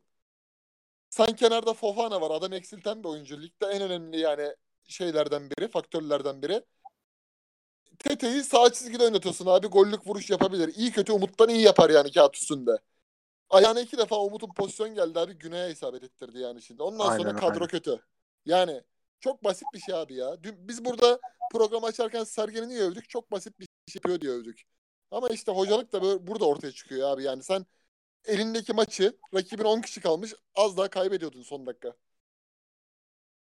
Yok abi Hamza Hoca Bursa'dan sonra dağıldı gibi bence. Yani Tabii tabii abi. o- onu Bursa macerası bayağı epey yıprattı. Orada da şeye devam ediyordu. Hücum futbolu, daha çok hücumcuyla oynamak falan. Ama maçlar hep 1-0, 1-1, 2-1, 2-0'dan 2-2 falan derken. Bir de Abi şeyi şey de yani, konuşalım tabii. Ha buyur. bu Latin oyuncuyu abi mesela bir oynatıyor bir oynatmıyor. Aynı oranın Laiç'i oldu. Cuenca mıydı? Cuenca mıydı? Neydi? Şimdi bu adama mesela sabır göstermiyor. Umut'a sabır gösteriyor ya. Hoca 37 yaşında adam zaten. Kafasında futbolu mental olarak zaten bitirmiş bu herif. O gollük vuruşu sana yapamazsa sen Galatasaray'da da yaşadın bunu. İpten ip, ipe götürür yani seni. 5 sene önce yaşamışsın. Aynı şeyi niye tekrar Aynen abi yaşıyorsun? aynen ya. Ya abi Rize'de 4-3 3 3-2'den 4-3 maç kaybetmiş adamsın yani. Daha büyük tecrübe var mı bundan ya? Ne maçtı o ya? Ulan Rize, ulan Rize. Abi Kamera açısı. iğrenç bu arada ya. Var ya Barcelona gibi top oynadık. Anasını satayım. Üçüncü lig maçı gibi göründü ya. Abi gerçekten şaka yapmıyorum. Özette bile ben başım döndü ya. Başım dönüyor yani o maçı. Abi, çok alçak ya. Çok alçak. Kamera yerden gösteriyor maçı. Şeyin Bournemouth'un stadı öyleydi bir. Bournemouth maçlarını izlemezdim. Bir de tuhaf şekilde Stamford Bridge'in Şampiyonlar Ligi açısı eskiden öyleydi. Yapmayın Aynen. abi bu. Şeye Ay, şey- değineceğiz mi? Bir de değinelim ya. Çok sinirim bozuldu. Hem maç önü hem maç sonrası açıklamalı. Rıza Çalınbay'ın iki senedir her fırsatta yabancı sınırı yüzünden kafamızı şişiren Rıza Çalınbay'ın altyapı oyuncusundan iki tane top toplayıcı aldık diye bahsetmesi. Müthiş sinirlendim. Abi bence Rıza Çalınbay ve Rıdvan Dilmen'in bunlar eski ev arkadaşı ya bir tane ortak grubu var. Rıdvan NTV, NTV'de e, Rıdvan NTV'de söylüyor. Rıza Çalınbay da basın toplantılarında söylüyor. Aynı şeyleri farklı gün arayla söylüyorlar ya. Abi Trabzon maçını izlediniz mi hiç? Ben izledim. Yani bir ciddi kısmını izledim. Ne İlk yarısını izledim pardon. Abdullah Avcı farkını yansıtmış mı TS'miz? Yok abi yok. İlk maçta hani Afobe'yi falan biraz ben beğenmiştim. Bu maçta e, performanslar genel olarak öyle çok iç açıcı değildi. Lewis Baker'ı çok beğendim oynarken ama hani şey olarak beğendim. Championship'te rahat oynar diye beğendim. Muhteşem attı ama. He. Kaleci hatası falan diyen var. Bence o açıdan, o mesafeden topu oradan geçiriyorsa o, o adam kaleci maleci önemli değil. Çünkü baraj kurulmasa da oradan o noktaya topu göndermek inanılmaz zor bir iş. Çok güzel goldü. Ya o, bence Abdullah Avcı şeyi yaşıyor. Onun hep söylediği şey vardır ya Erol Bulut da söyler beraber çalıştıkları döneme dair. Biz Başakşehir'de hedefimiz öncelikle işte birinci sınıf bir savunma takımı yaratmak, savunma kurgusu yaratmak. Daha sonra topu ayağa alıp geriden çıkma bilmem neyi bunları çalıştırmak. Şimdi ufak ufak bunları görüyorsun maç içinde ama öncelik şu an belli ki savunma kurgusunu bir oturtmak. O yüzden de hani çok keyifli maçlarda çıkmıyor gibi ortaya.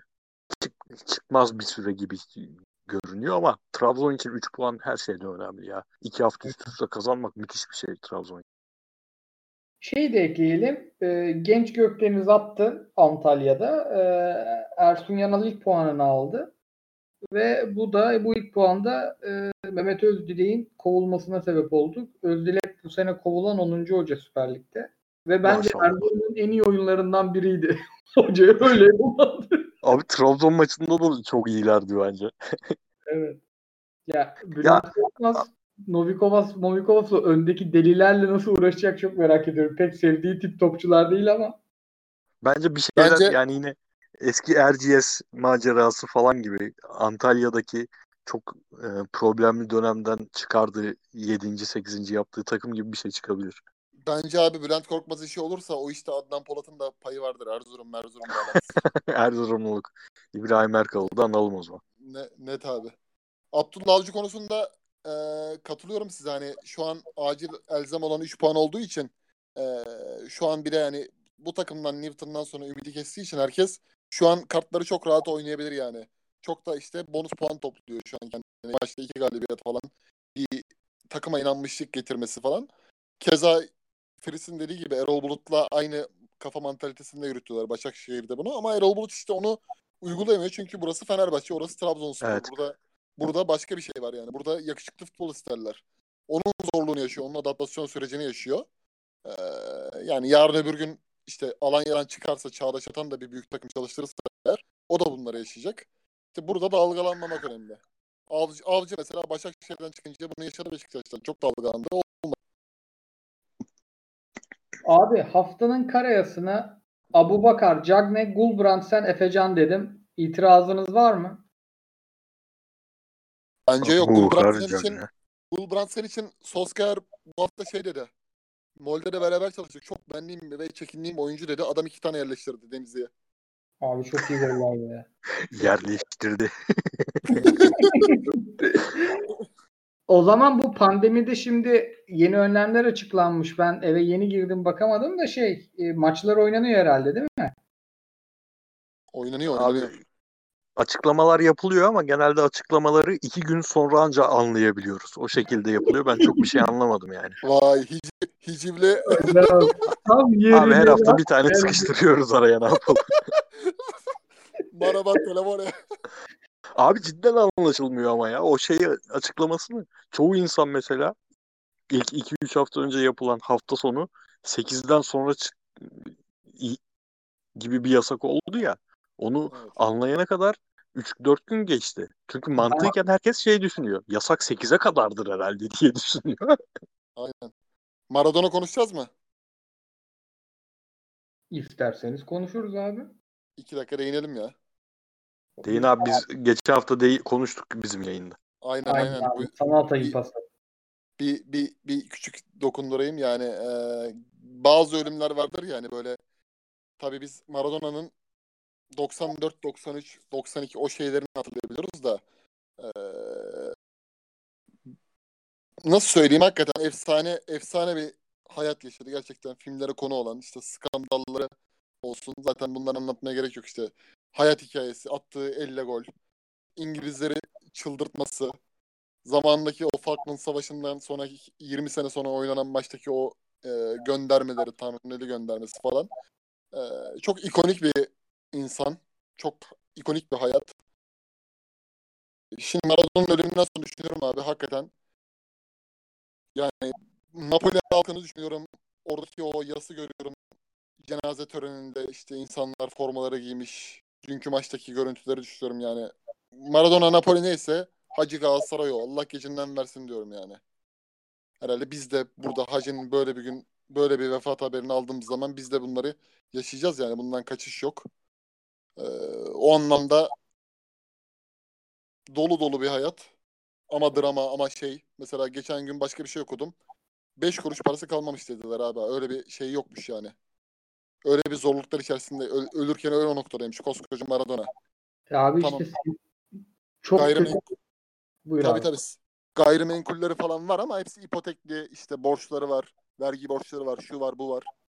Yani e, işte uyuşturucu olaylarından dolayı Sicilya'da işte mafya işlerine girmesi, kayıp verdiği yaptığı o ticaret hataları vesaire bir sürü şey. Yani öyle bir hayat.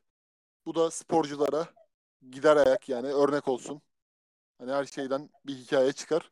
Bu da onlara şey olsun yani günümüz sporcularına hele büyük kazananlara ve bundan sonrakilere örnek olsun abi. Yani bankara 5 kuruş parası kalmamış. Türk lirasıyla 700 bin lira parası kalmış abi Maradona'nın. Çok ilginç ya. Zaten işte Meksika'da falan ikincilik takımı çalıştırıyordu ya. Topallaya topallaya kalbini Tabii tabii. var bu var. Çok zorlanarak yapıyordu yani o işte. Abi fikstüre zıplıyorum isterseniz. Ee, ince Ben bir de şey söyleyeyim abi. Çok bugün olumlu bir program yaptık. Bir de olumsuz bir şey ekleyeyim. Yani keyif alsak etsek de bunu yapmam lazım. Ya işte Gezal, şu anki rolünde Feguli, ne bileyim işte Al- Antalya maçı deyince aklıma geldi bunu söylemek. Podolski falan. Abi dünyada şu an herhalde 8-9 ligde ilk 8-9 ligde bu adamların hiçbiri oynayamaz gibi geliyor ya. Bak bu kadar Gezal'ı bu kadar övüyoruz ediyoruz mesela. Tabii abi bence.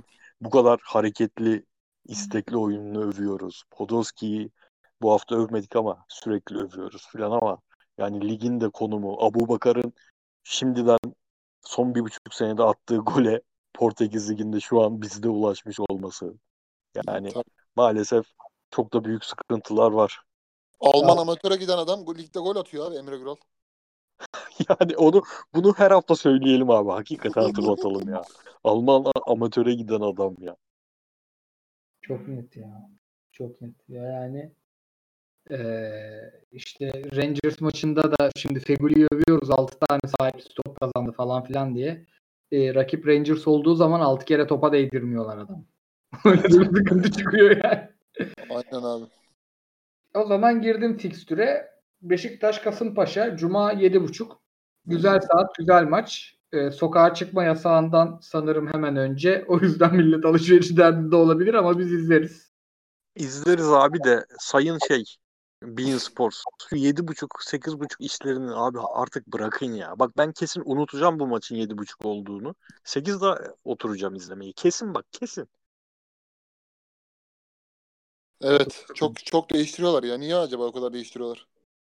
Hatırlıyorum. Ben de anlamadım. Herhalde saat maat şeyleri uyduruyor diye. Fransa Geçen gibi- sene geçen sene biz bunların en başta Fritz diyordu bunların görüntü kamerasına. Adamlar geçen sene yaratır oldu ya. Ya valla. Çok acayip bir noktaya geldi iş. Feci hakikaten. Ee, cumartesiyi zıpladım. Göztepe Kayseri kesin izleyeceğim. Şerif Endiaye'yi özledim. Hatta Sivas Göztepe maçında golü kim atmış bakayım. Halil Akbunar atmış kaptanım. Haftaya Göztepe maçında tribünlerdeyiz. O maçla aynı saatte Gençler Birliği Alanya'da var yalnız. O da izlenir. Ee, Cumartesi 4 Gençler Birliği'nin ikinci yediği ikinci golü gördünüz mü? Her Futbol türlü- komedi ya. Futbol Aynen. komedi bildiğin. Aynen. Çok, çok şey ya abi. Hakikaten düşmek için yalvaran bir takım ya maalesef. Bari Berat falan Southampton'a gidecekti. O gitse de kurtulsa oradan ya. Evet. Ben bize işte Taylan'ın rotasyonunu düşünüyorum ama herhalde bize kalmaz. Saat 4'te Malatya Başakşehir var cumartesi günü. Hamza Hoca, Okan Hoca gollü maç bizi bekliyor. Cumartesi 16 Konya Erzurum. Konya'nın Erzurum'un yeni hocasını görürüz herhalde. Ben bu sene Konya izlemeyi seviyorum. Göz gezdiririz. Cumartesi akşam 7'de de Galatasaray Hatay var.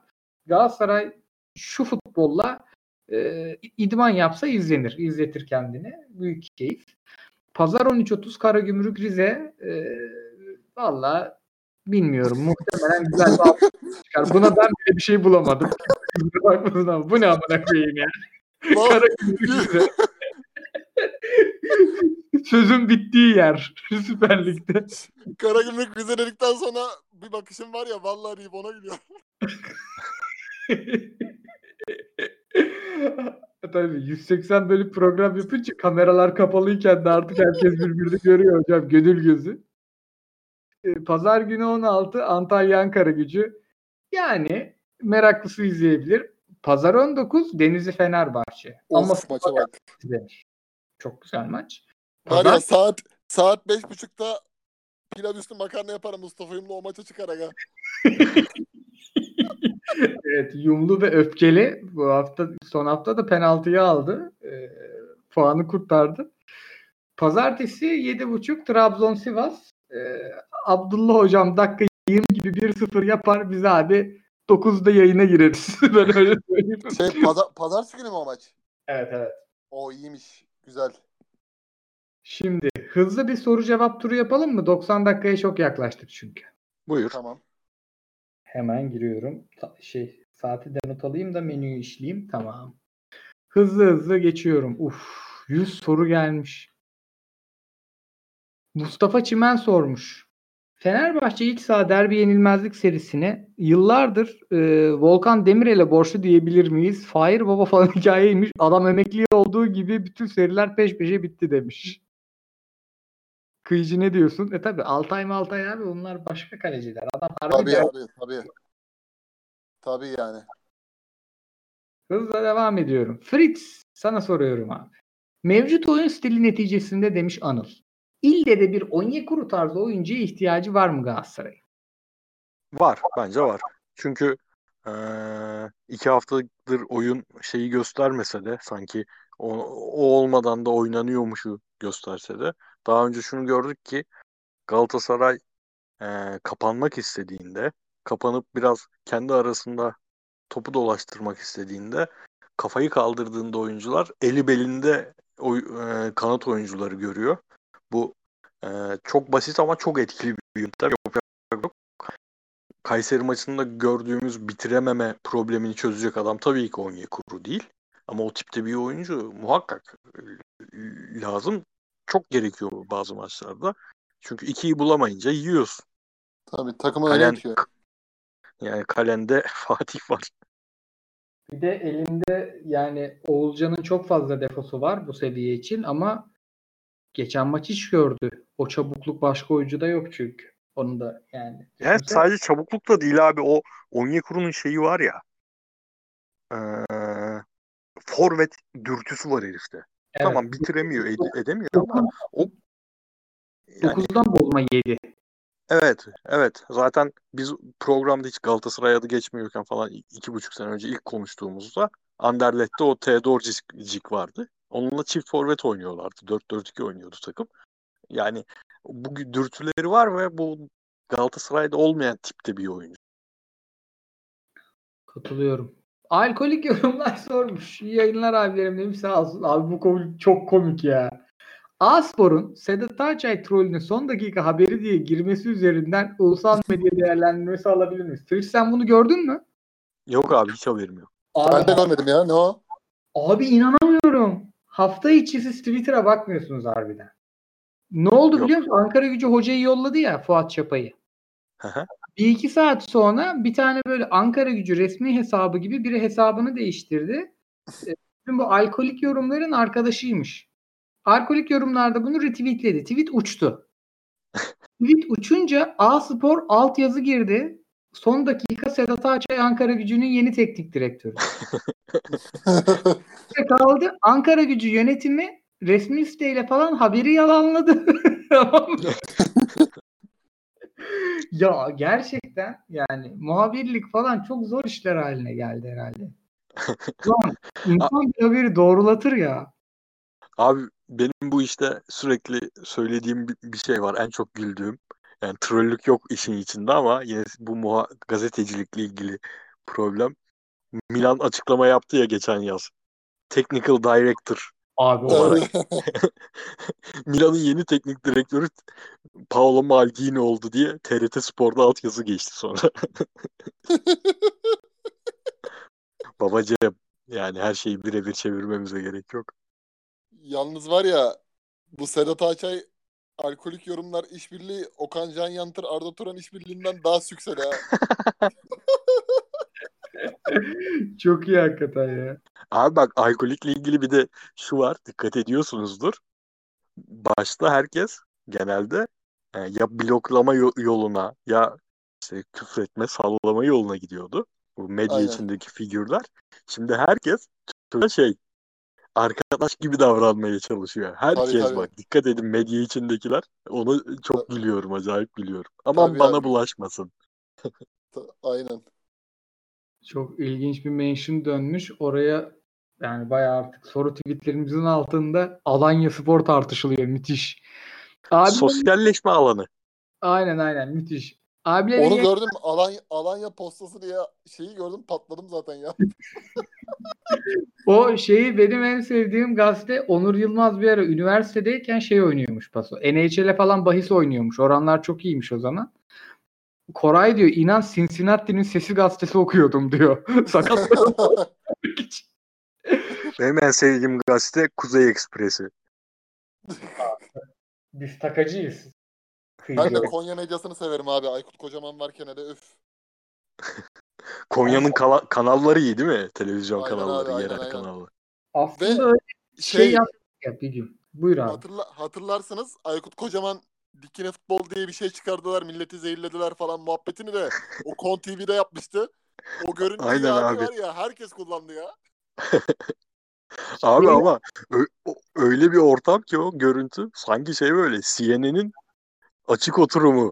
Kon Aynen, TV değil. Çok çok iyi ortam. Aynen. Şey yapabilir miyiz acaba? Spor servisini düşünün abi ama sırf Anadolu takımlarının yerel gazeteleriyle. Taka ile başlayacağız. Konya gazetesiyle devam edeceğiz. İnanılmaz eğleniriz muhtemelen. Aynen. Dört Aykut büyükleri Kocaman- boydan girmece. Aykut Kocaman'ın böyle gittiği yerde hani Konya gibi şeyi de iyi geçiyor yani. Yerel medyayı avucun içine alıyor ya. Şu şike muhabbetleri patlamasaydı Trabzon medyasıyla süper bir ikili olabilirlerdi. Üf. Tabii canım. üf. Elinde pilot kalem falan böyle. Taka gazetesinde Aykut Kocaman'ı düşünsene takım elbiseyle. Abi lig zaten bizim lig daha da geriye gitmeye devam ederse işte Aykut Kocaman Trabzon, Şenol Güneş Fener bu tip şeyler olsun bari. Bunlar üzerinden eğlenelim ya. Tabii abi tabii ya. Biraz Eski bunlar küslükler bir kenara bırakılsın. abi eskiden de Mustafa Denizli mesela iyi hani yaşlanmadan önceki hali bir şekilde manipüle ediyordu ligi biliyorsun. Bir şekilde hani ligi renk renk geliyordu. Ee, bu arada lige renk geliyor derken Yılmaz Vural'a da geçmiş olsun dileyelim bari. Aynen. Aklımıza gelmişken umarım eee, sağ salim bu mevzuyu da çözer hoca. Haberler pek iyi değil de en son ama umarım çözer hocam atlatır. İlk 9 maçta 3 gol yiyen Alanya Spor ne zaman gol yemeye sallanmaya başlar demiş Devrim. Sallanmaz abi bu takım. İlk 9 maçta 3 gol yemesine inanılmaz şaşırdım bu arada. 35 kişi hücum. Ya ben bu önde baskı işini söylerken aslında onu söylemem lazım yani 3 gol meselesini. Ya adam yapmış abi gerçekten büyük saygı duyulası. Yani bu şey değil. Geçen seneki e, Rıza Çalınbay Sivas Spor'un yarattığı rüzgardan başka bir şey. Şimdi o, tabii ki onun da o başarısını küçümsemek istemem ama hep söylüyoruz yani Rıza Çalınbay'ın oynattığı futbol sürdürül çok sürdürülebilir bir futbol değil ve e, çabuk çözülebilen bir oyun bu adamın yaptığı kurgu şu ana kadar tabii ki böyle 3 maçta bir gol yeme ortalamasıyla gitmesi mümkün değil ama yani çok rahat sürdürülebilir bir şey çıkarmış ortaya. Tabii ki çok yorulmaya başladıklarında bu işin enerji kısmı çok önemli. Yorulmaya başladıklarında problemler çıkacaktır. Ki haftaya mı başlıyor abi bizde iki maç haftaları? Herhalde haftaya falan başlaması lazım artık. o Allah zaman evet abi. biraz artmaya Ar- başlar. Ara yok zaten aynen öyle bir şey olacak. Aynen. Çağdaş Atan'ın Bazel'deki o Bazel'in sükse yaptığı dönemde şey vardı değil mi? Kadrodaydı yani. 2009 falan. Kadrodaydı abi kadrodaydı. Bir oradan da şey vardır yani kafasında. Fra- Tik. Frankfurt'a gitmiş miydi oradan? Ben mi uyduruyorum şu? Kotbus'a gitti galiba. Ha, bir yere gitmişti. Doğru doğru enerji Kotbus'a gitti. Hı, Kotbus'a gitti. Son 5 dakika hızlı hızlı yürüyorum sorulara. Yürüyemiyorum. ha. Ee, Sergen Hoca'nın büyük maç performansını konuştuk. Rıdvan'ı konuştuk. Aslanım benim. Ee, Leng 35 demiş ki 35 dakikalık Göztepe bölümü istiyoruz her hafta. Galatasaray, Fener, Beşiktaş bunları Erman da konuşuyor. Hocam Erman Toroğlu diyorsun sen. Erman Toroğlu gibi konuşmak istiyorum ben de zaten bu lig. Öncelikle. Bir de 35 dakika Göztepe bölümü izle istiyorsun. Bakayım. Bak takip etmiyorsun biz birader. Konuşuyoruz dinlemiyorsunuz anasını satayım yani. Devam ediyorum pasif agresif tavrımla. 35 dakika Sepil bile konuşmaz ya Göztepe'yi. Konuşmuyordum tabii. Kubilay Gökay'a sormuş Sergen Yalçın ligin en iyi ikinci hocası mı? Hadi buyurun. Hayır. Bence de değil. yani. Ya şimdi biz maç maç konuşuyoruz. O yüzden atıyorum geçen hafta Başakşehir'i konuşurken bu hafta Fener maçını konuşurken konuştuktan sonra ama deyip küçük maç küçük takım Anadolu takımı performanslarına girmeye gerek duymuyoruz o yüzden. Oynandığı zaman zaten konuşacağız o maçları. Daha önce de zaten oynandığı zaman konuştuk. Ama yani senede oynayacağı 6-7 maçta yaptığı çok büyük işlerin yansıması Şimdi Fener, mesela Fenerbahçe de bilir bunu. Aykut Kocaman biraz bozmaya başlamıştı bunu ama Fenerbahçe'nin o ikincilikler dönemi hep ikinci olduğu dönemler derbi şampiyon olduğu dönemlerdi. Yani bunlar çok belirleyici olmuyor ligin şampiyonunu belirlemede. Şimdi ilk üçe soksa takımı ben yine çok büyük başarı olarak kabul ederim bu sezon Beşiktaş'ın yaptığını, Sergen Yalçın yaptığını ama ligin en iyi teknik, ikinci teknik direktörü işi biraz sıkıntılı. Çünkü abi bak çok olmadı bir ay falan olmuştur değil mi en fazla? Beşiktaş karma karışık bir durumdaydı ve Sergen Yalçın pek bir liderlik göstermiyordu. Bütün oyuncularını eleştiriyordu medya önünde. Tabii tabii. Sonra Bence hala ya- abi Alpay ve şey olayı Fatih Aksu olayı hala eksi yazar ona. Ki evet evet o, o sallanıyor yani kafanın üstünde o konular mesela bir çözüme ulaşmış değil. Gerçi işin gerçeğini öğrenebilmiş değiliz. Son soruyu alıyorum. Alkolik yorumları şeyde biri gerçek değil miydi yazmış. Devam ediyorum. Erol Bulut. Ee, Altay sizce hatalı bir tercih mi Fenerbahçe kalesine demiş. Erol Cloud o soruyla bitirelim. Abi Altay şu maçta bence konu edilecek bir şey yapmadı ya çocuk. Bu sene kaç puan aldı abi? Fener'i iptal Aynen. aldı ya kaç defa. 6 puanı var Altay'ın. Ama şimdi de Fenerbahçe medyası üzerinden şey algısı dönmeye başladı ya. Ya kaleye iki defa top geliyor iki gol oluyor. Üç defa top geliyor üç gol oluyor algısı dönmeye başladı ya. Yani orada biliyorsunuz böyle bir şeyler çok dillenmeye başlayınca problem oluyor Fenerbahçe içinde Aynen. iki senedir, üç Evet. senedir. O yüzden sıkıntı oluyor. Yani buna bir karar verilmiş artık bence. Üzerinde çok durmaya gerek yok. Bedelli askerlik gibi ya. Dedikodusu başlayınca yiyorlar topçu yani. bir Öyle şekilde abi. gidiyor. Öyle bak kilit adamlara bak özellikle bu Ali Koç sonrası oluşan Fenerbahçe e, sosyal medya PR'ı içindeki insanlara Erol Bulut'a yani bizim şu yayında söylediğimizin 10 katı ağır şeyler söylüyor. Meye başlamışlar mesela. Tabii bu canım. geçen sene Ersun Yanal'da e, 17 18. 19. hafta ancak başlamıştı. Bu, bu sefer 10. hafta başladılar. Ve diyorsun ki bu adamlar buna başladıysa burada dikiş tutmayabilir. Yani o yüzden bir atmosfer problemi var Fenerbahçe'de ya. Ya ne güzel rüzgarı arkana almışsın bir anda hemen her şey yerde bir oluyor. Rıdvan Dilmen yani bizim biliyorsun bizim medyanın zaten bir üslup problemi var teknik adamlara karşı. Rıdvan Dilmen o problemi çok yaşamayan bir yorumcuydu. Başka sorunları var onun. Rıdvan Dilmen bile dün çok büyük girmiş Erol Bulut. Yani skandal mı kandal bu sesi değişikliklerine falan yani çocukla konuşur gibi konuşmuş hakikaten. Oradan yani o biraz frene basar normalde bir tık sakin takıl. Aynen aynen. Diyelim abi ağzınıza sağlık. Bir buçuk saati geçtik çoktan. Var mı eklemek istediğiniz bir şey? Eyvallah beyler ağzınıza sağlık. Çok keyifli bir yayın oldu. Umarım dinleyenler de keyif alır. Ben önce size teşekkür edeyim. Bu iş uzadı diye bir- sizi bir, bir saat beklettim abi. Sağ olun. Ee, ondan sonra da tüm dinleyicilerimize teşekkür edelim. Bizim yayın yapıp da birinci olmadığımız Süper Lig programımız yok. Avrupalarda birinci oluyor Paso. Yani artık bayağı bir standarda oturttuk. Dinleyicilerimiz sağ olsun. Onlara da çok teşekkür edelim. Sorulara bugün çok bakamadık ama çok fazla konuşmamız gereken şey vardı. Defterim Bu kaçıncı bölümde? tam 180'i bitirdik. Vay 200'e geliyoruz desene. Aynen. 200. bölümde Erman Toroğlu'nu konuk alacağım ama Solaryum'da yapacağız podcast. Şeye Aa söyleyelim. şey geyiği yapmadık ya. Fenerbahçe Beşiktaş maçıyla başlamıştık. Geyiğini yapmadık bu sefer. Neyse artık. Aa, hakikaten kadroları Şeyi söyleyelim abi. Emre, Emre Kaplan'a söyleyelim. Hoca bağlansın yarım saat ya. Bir şey söyleyeceğim. Abi ama Erman Hoca'ya da şimdi podcast'i açıklamak, podcast'in ne olduğunu açıklamak. Küfür falan eder. Yani kardeşim çık ekran karşısında konuş. Radyo gibi ne konuşuyorsun? Radyo gibi ama canlı değil falan. Bunu açıklayıp küfür yemeye gerek yok. Ya Aynen. var ya geçen seneden önceki sene Alp Pehlivan geçen sene Reha Kapsal'ı büküyordu. Bu sene biraz denge olsun diye karşısına Feyyaz Uçar'ı getirdiler. hani futbolculuğundan falan tanıyor ya. Aynen. Ya ancak zaten öyle bir adama saygı duyuyor. Yani ancak Feyyaz Uçar stil bir adama saygı duyar Erman Hoca. Geri kalanlar çok umurunda değil. Aynen. Program geç e, yayına girecek diye fleet attım. Tottiler Messi'ler Twitter hesabından ilk fleetimizi attık. Dünyanın en gereksiz icadı.